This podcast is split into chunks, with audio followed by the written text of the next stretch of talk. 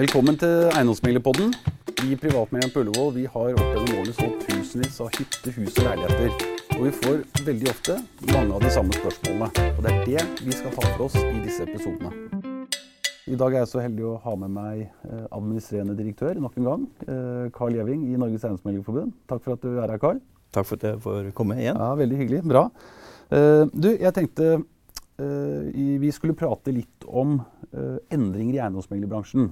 Eh, det er kanskje mange selgere eller som vurderer å selge boligen sin, som har fått med seg at det er noen sånn type selv-selv-løsninger. Det er jo ikke for så vidt noe nytt, bare for alle kan jo selge sin egen bolig hvis de vil det. Men nå er det kanskje noen leverandører der ute, eller eh, ja, kall det leverandører, for det er ikke eiendomsmegling, men de kan hjelpe deg. Eh, Ja, de senere ja, tre-fire årene så har det kommet eh, en del produkter på markedet eh, som på en måte er Altså, det er eh, nettsider med, eh, som, som hjelper deg da med å samle informasjon og, og, og skal tilrettelegge for at du selv skal eh, kunne selge din egen bolig. Det er for så vidt ikke noe nyhet, dette. Vi har jo hatt det lenge. Nå har jeg holdt på med dette i 25 år. og jeg husker jo For 15-20 år siden så var det også noe som het A-Direkta. eh, Ja som startet opp, og det forsvant jo. Eh, det har jo vært andre også hva skal man si, kvasiløsninger. Eh, Marton var det vel det firmaet het, og det har vel også valgt å legge ned, tror jeg. Eh, eh, men så har vi i, så har vel det som er oppe og går, eh, er vel dette, det som heter Proper. Eh, og det er en sånn gjør det selv-løsning.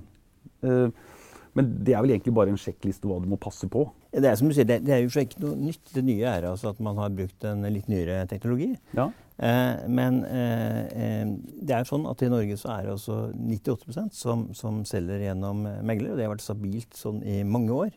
Eh, og det fordeler seg sånn at I Finnmark for eksempel, så er det jo 10% og det skyldes jo at det er lav tilgang på megler. Mens i Oslo så er det bare en halv prosent som, som selger selv. Altså 99,5% som selger med megler. Hvorfor gjør de det? Det er nok ganske enkelt fordi at folk trenger råd i, i livets viktigste handel.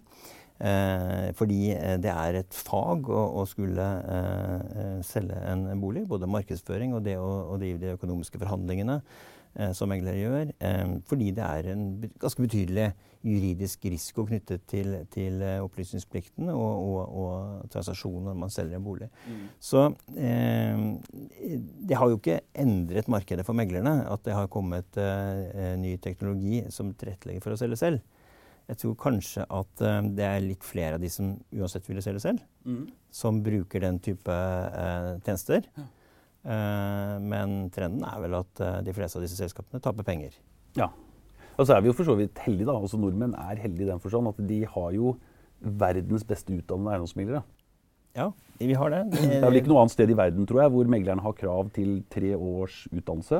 Danskene har begynt å komme etter. Svenskene har to år. eh, Men Norden generelt eh, er, høyt oppe, og Norge er helt på topp. Ja. Eh, Du må ha tre års bachelorutdanning, og du må ha minimum to års praksis for å få lov til å opptre som ansvarlig meglermyndigheter. Og det er et strengt regulert yrke. Så kvaliteten på eiendomsmeglingstjenester er gjennomgående høy. Ja, Det er bra. Du, eh, når vi først er inne på endringer i bransjen og digitalisering og sånne type ting, eh, så er det jo kanskje en veldig stor, viktig endring som kommer. Det er ikke digitalisering, men det kommer en endring i lovverket. Eh, Denne avhendingsloven som alle boliger selges etter, altså det som regulerer kjøp og salg av fast eiendom mellom privatpersoner, der kommer det endringer. Og det har jo Norges Eiendomsmeglerforbund vært veldig delaktig i den prosessen. Ja, vi har faktisk vært initiativtaker i den prosessen sammen med eh, Forbrukerrådet, sammen med eh, takstmennenes organisasjon og sammen med huseiernes organisasjon. Eh, eh, fordi vi er opptatt av at eh, det skal være trygt å kjøpe og selge bolig. Og da er de reglene som, som, som regulerer forholdet mellom kjøper og selger, viktige. Eh, og det som skjer, er at eh, når den nye loven eh, trer i kraft Vet vi sånn cirka når det er?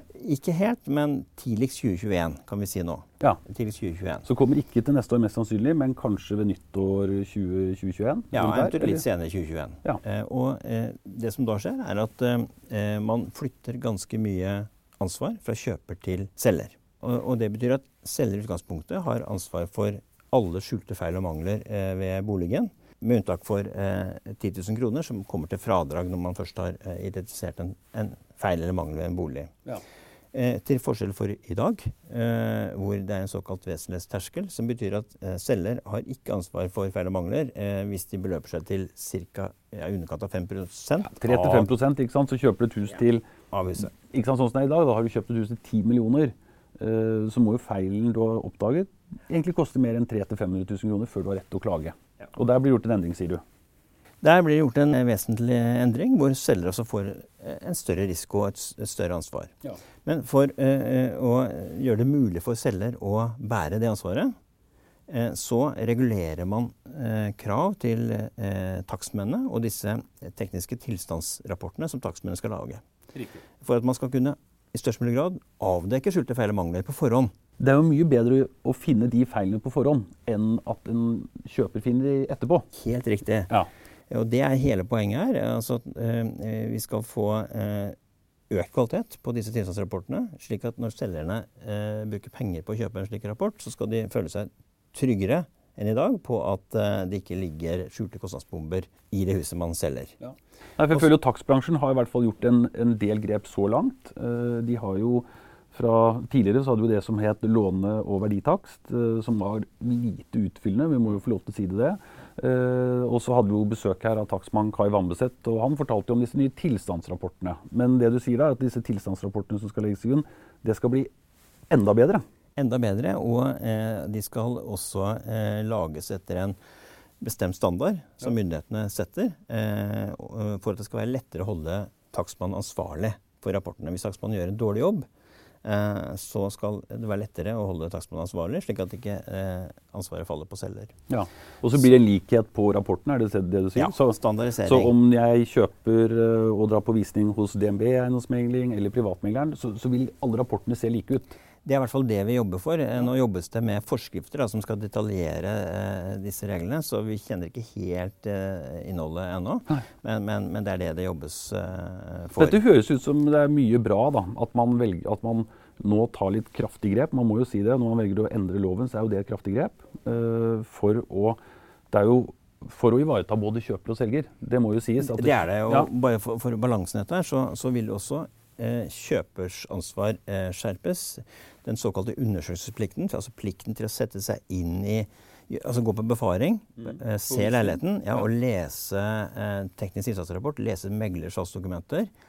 Eh, det blir veldig viktig. For du kan ikke komme etterpå og si at jeg, eh, jeg visste ikke, eller har ikke fått med meg. Mm. Så lenge det finnes dokumentasjon, så har du plikt til å sette deg inn i den. Og det reduserer jo igjen selgers ansvar. Så samlet sett så tror vi at risikoen i bolighandelen den kommer til å gå eh, ned, og så fordeler man eh, risiko og ansvar eh, bedre mellom kjøper og selger. Ja. Og ikke minst eh, eh, legger man mer ansvar på takstmann. Mm. Eh, og så får også meglerne en større veiledningsplikt for å veilede kjøpere og selgere. Hva, hva betyr nå disse reglene ja. egentlig? Så samlet sett så tror vi at dette kommer til å føre til en tryggere bolighandel eh, når man iverksetter disse tingene. Ja, Men da må man, eh, selv om det du sier er kanskje at når loven da endres, så vil lovverket rundt takstmennene da også kanskje strammes inn? Ja, eh, i dag så er det jo helt uregulert, faktisk. Ja. Men hvis jeg ville blitt takstmann, da måtte jeg Hva hadde jeg gjort da? Det kan du begynne med i morgen, eh, i prinsippet. Ja. Eh, men eh, hvis du skal bli medlem av Norsk Dags, så må du eh, oppfylle visse, visse krav. Ja. Eh, og, og, de fleste er jo det. Men, men eh, det vi nå venter på, er altså at myndighetene skal stille bestemte krav da, til utdanning og etterutdanning for takstmenn. Ja. Samme som skjedde med eiendomsmeglerbransjen da, ja, for, en, uh, for, en, god del år siden. For elleve år siden eh, ca. Ja. Eh, og det har jo eh, gjort at kvaliteten på eiendomsmeglingstjenester har økt voldsomt i forhold til hvordan det var før loven kom. Mm. Ja, jeg er helt enig. Det, det, har jo blitt veldig veldig bra for, for kjøperne og selgerne.